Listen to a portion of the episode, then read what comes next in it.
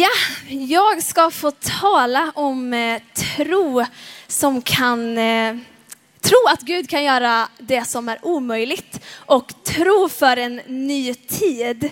Eh, och ti eller tro i den här tiden och tro för ikväll och tro nu. Eh, och varför kan vi ha tro för en ny tid? Varför kan vi ens ha tro nu? För att Gud är densamme, det som står i hans bibel är detsamma som det har varit och eh, hans ord är levande och verksamt. Så det som står här, det gäller oss idag. Och när jag öppnar upp det som står, då har inte det förändrats. Även om allting runt omkring kanske har bara totalt förändrats, så är liksom samma sak här i. Och därför kan vi ha tro för en ny tid.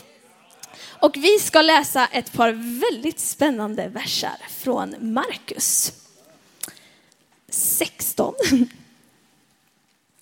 Och eh, verserna 17 och 18. Där står det så här.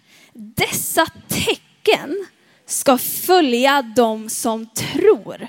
De ska driva ut onda andar i mitt namn. De ska tala nya språk. De ska utan risk kunna handskas med ormar.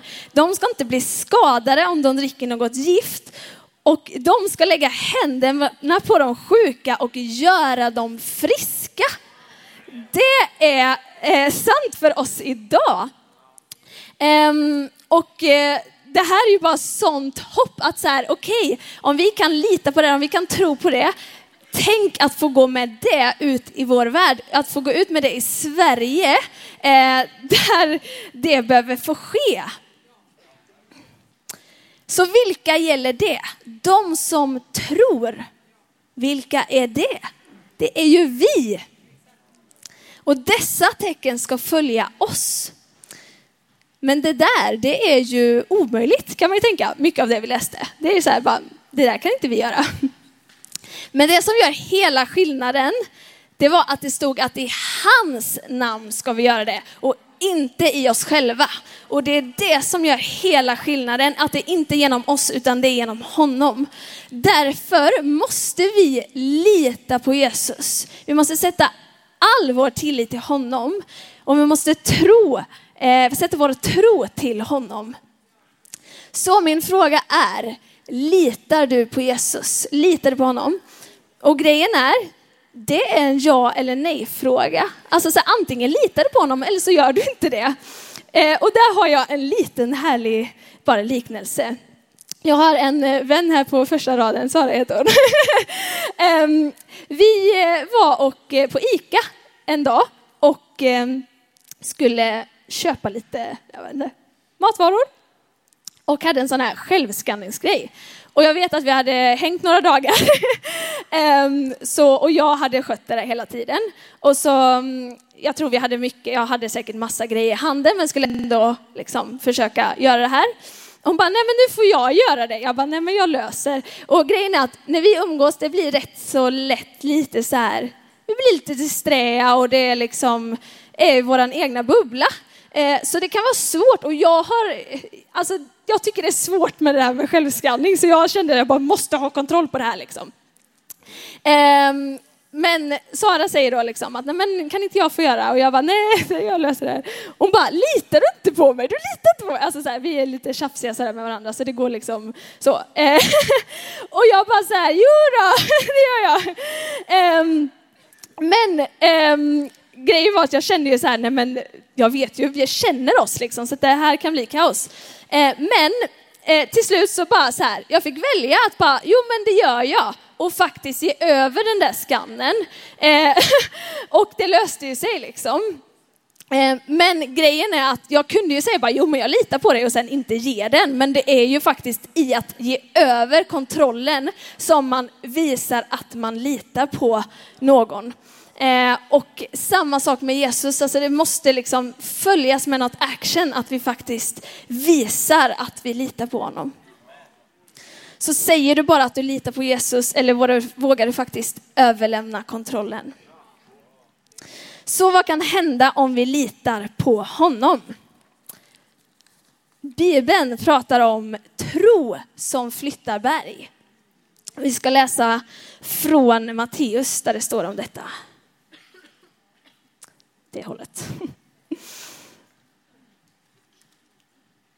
Eh, Matteus 17 och vers 20.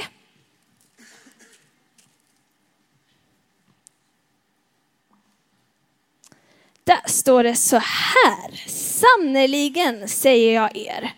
Om ni hade tro, tro som ett senapsfrö kunde ni säga till det här berget, flytta dig dit bort och det skulle göra det. Inget skulle vara omöjligt för er. Eh, jag vet inte hur det är med er, men jag har så många gånger i mitt liv fått uppleva att Gud eh, har fått ta bort berg i mitt liv. Och det kan vara liksom allt från problem, men många gånger så här rädslor, inre rädslor som känns stora som berg. Ehm, och där Gud faktiskt, det har känts omöjligt, så här, bara, men det här eh, det är så stort, det går inte. Eh, men fått uppleva så många gånger hur han har fått flytta på det och eh, att ta bort rädsla liksom i mitt liv. Men jag tror faktiskt att vi ska börja tro Gud om att flytta fysiska berg. Att göra det som är totalt omöjligt. Mirakel, under och tecken. Vi läste om det, att den som tror ska det här ske för. Varför skulle han inte kunna flytta på berg? Vem har placerat bergen där från första början? Det är ju han, det är från hans hand det kommer. Hur skulle han inte kunna ha möjlighet att flytta på berg? Sen är ju frågan, finns det någon anledning till det? Det kanske inte.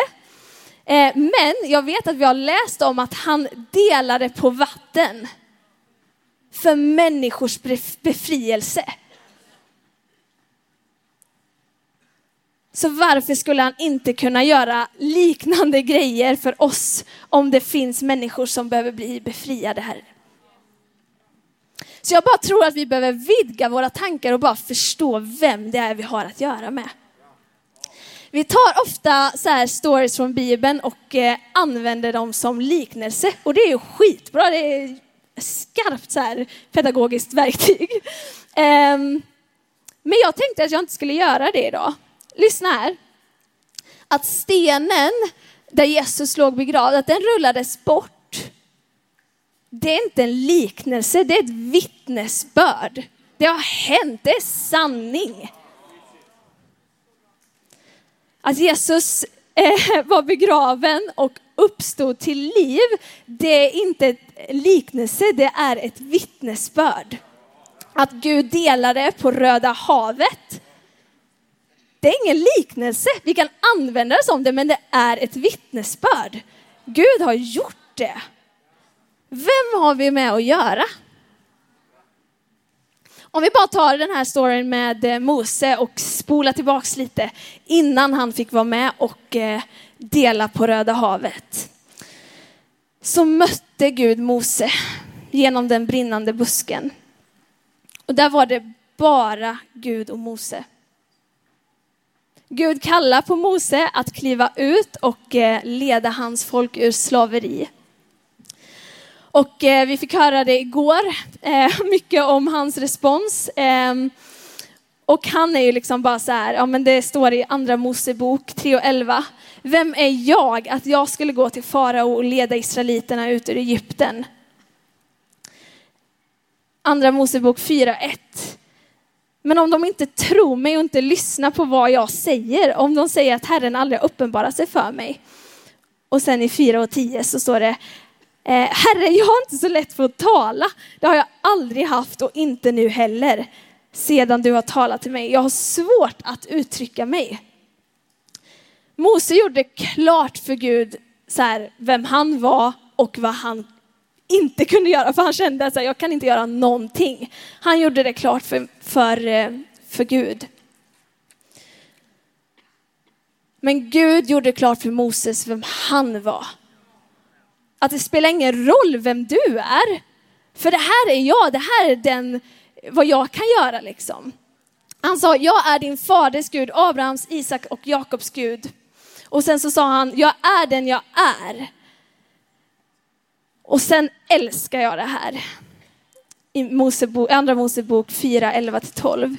Vem har gett människan hennes mun? frågade Herren honom i svar på att så här, jag kan inte tala, jag fixar inte det här. Är det inte jag? Herren som gör att en människa kan tala eller inte tala, se eller inte se, höra eller inte höra. Gå nu och jag ska vara med dig och hjälpa dig att tala och jag ska lära dig vad du ska säga. Alltså Gud, han bara så här, jag har skapat allt, jag vet hur det här funkar. Om det är någon som har kontroll och makt över det, inte det är jag. Han har satt ramarna för vad som är möjligt för oss. Men han står utanför de ramarna. Så vi kan verkligen tro honom om att göra stora ting. Att allt är möjligt med honom. Men för att kunna gå i tro, då måste vi möta ansikte mot ansikte med honom, med Gud. Vi behöver få vara på helig mark. Det är där det händer, det är där vi får tro, det är där vi får tillit till honom. Vi behöver få klart för oss vem det är vi har att göra med. Det gör hela skillnaden. Så vad gör vi när vi inte har tro? När vi säger nej, jag litar inte på vad Gud säger. Vi ska ta, kolla på ett exempel Um, och läsa från ett eh, bibelställe där eh, lärjungarna har fått vara med och eh, ja, men de försökte driva ut en ond ande. Men det gick inte. De misslyckades.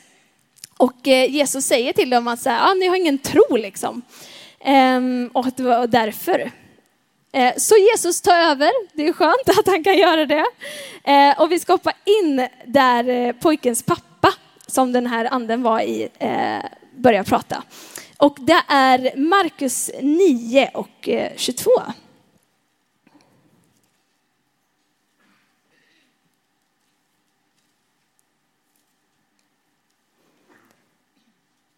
Då, står, då säger pappan så här, ha medlidande med oss och hjälp oss om du kan. Om jag kan, svarade Jesus, allt är möjligt för den som tror. Jag tror utropade pojkens far, hjälp min otro. Men nu såg Jesus att folk kom springande från alla håll och därför talade han strängt till den orena anden och sa, du stumma och döva ande, jag befaller dig att fara ut ur honom och aldrig mer komma tillbaka. Anden skrek och ryckte och slet i pojken men for till sist ut ur honom. Pojken låg där alldeles livlös och många sa, han är död. Men Jesus tog honom i handen, drog upp honom och då reste han sig.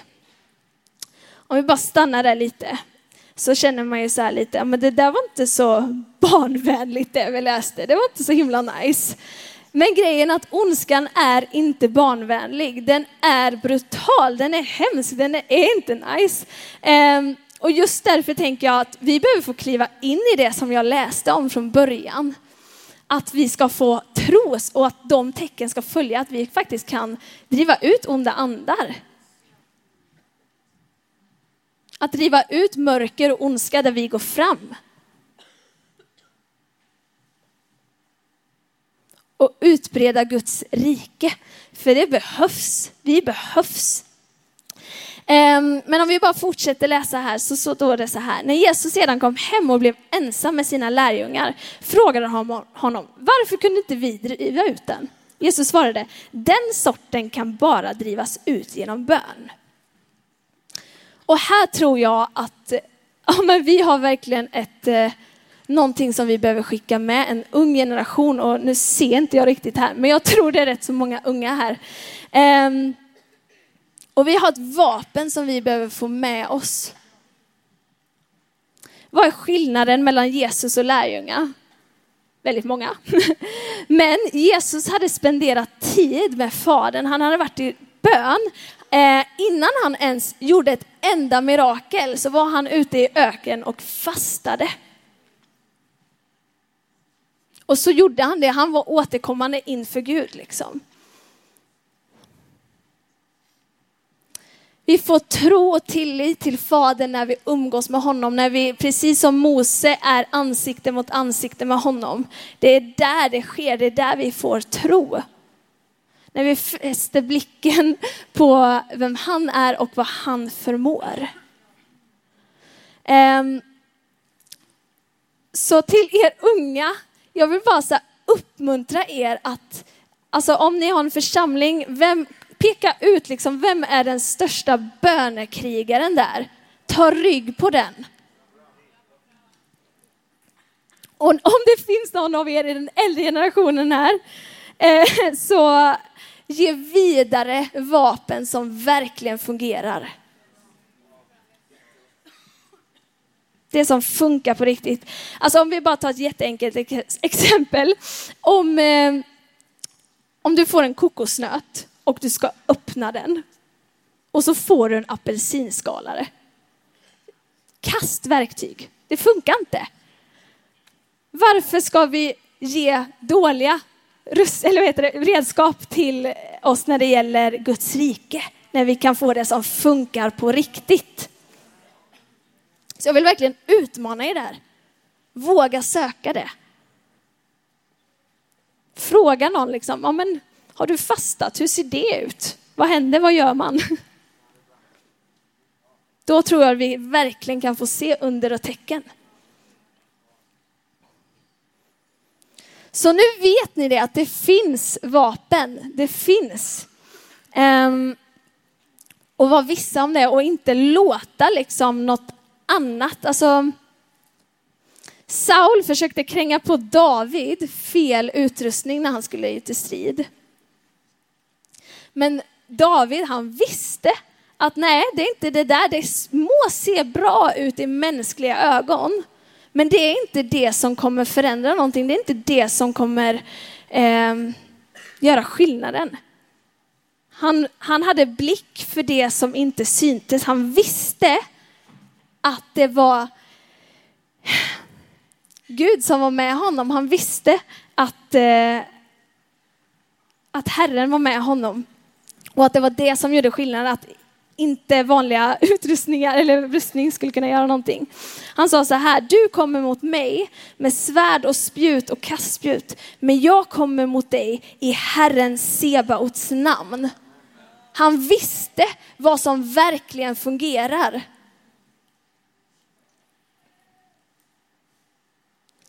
Vill du ha tro? Vill du lita på honom? Sök honom, umgås med honom, lär känna honom. Våga lita på honom. Gud vill använda dig, precis som han använde Moses. Jag kommer inte berätta för dig vad du ska, liksom, vad du ska göra. Det måste Gud få göra. Han måste få tala till dig ansikte mot ansikte. Det var liksom inte Mose, Gud och en predikant där. Det var bara Mose och Gud. Men du behöver inte ha något självförtroende. Du behöver inte ha något. Det räcker att sätta all din förtröstan till honom. Och han kan använda dig. Du kan skryta över vem han är. Och vi ska avsluta med att läsa från första Korintierbrevet 1.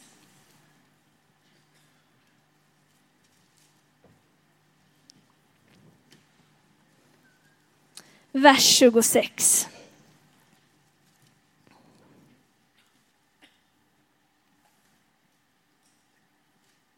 står det så här. Syskon, tänk på hur det var när ni själva blev kallade. Det var inte många av er som mänskligt sett räknades som visa. Inte många som hade inflytande eller som kom från en fin familj. Nej, Gud valde ut det som är dåraktigt i världens ögon. För att de visa skulle få skämmas. Och Gud valde ut det som är svagt i världens ögon. För att de, för att de starka skulle få skämmas. Det som har låg status, som världen ser ner på, det som inte är något, det utvalde Gud för att göra om intet det som anses vara något, för att ingen ska kunna skryta inför Gud. Det är tack vare honom som ni är i Kristus Jesus. Som har blivit vår vishet från Gud, vår rättfärdighet, vår helighet, vår befrielse. Som det står skrivet, den som vill skryta ska skryta över Herren. Vi behöver inte skryta eller ta fram någonting av vårt eget, utan vi kan bara få skryta. Ja, men jag vet vem jag går med. Det är allt vi behöver. Så med andra ord så finns det ingen här som han inte kan använda. Han kan använda dig att göra det omöjliga.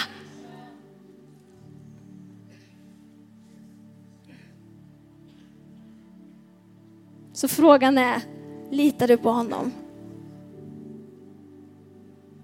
Våga ge över kontrollen. Han kan göra allt. Tänk att få se att vårt land liksom får se det som han kan göra. Inte det som vi kan komma med i oss själva. Mm. Vi ber tillsammans. Tack Jesus för att du vill använda oss. Tack för att med dig är ingenting omöjligt. Tack helig ande för att du vill kalla människor här i att helt och fullt gå ut i det som du har tänkt för dem. Att helt fullt gå ut i din kraft. I tillit till dig Jesus.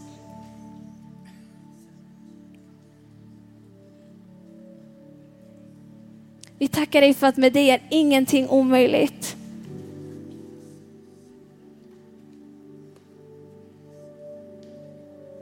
Tack för att du vill göra någonting nu i oss. Att du vill oss tro nu för en ny tid, Herre. Vi ber att vi ska få ja, men bara nya drömmar, nya visioner, Herre. Mitt i det som är just nu, mitt i eh, vår världs omständigheter, men också våra personliga omständigheter, Herre. Tack för att du vill komma med din blick, Herre. Att du vill viska dina ord Tack för att du vill möta med oss i Jesu namn. Amen.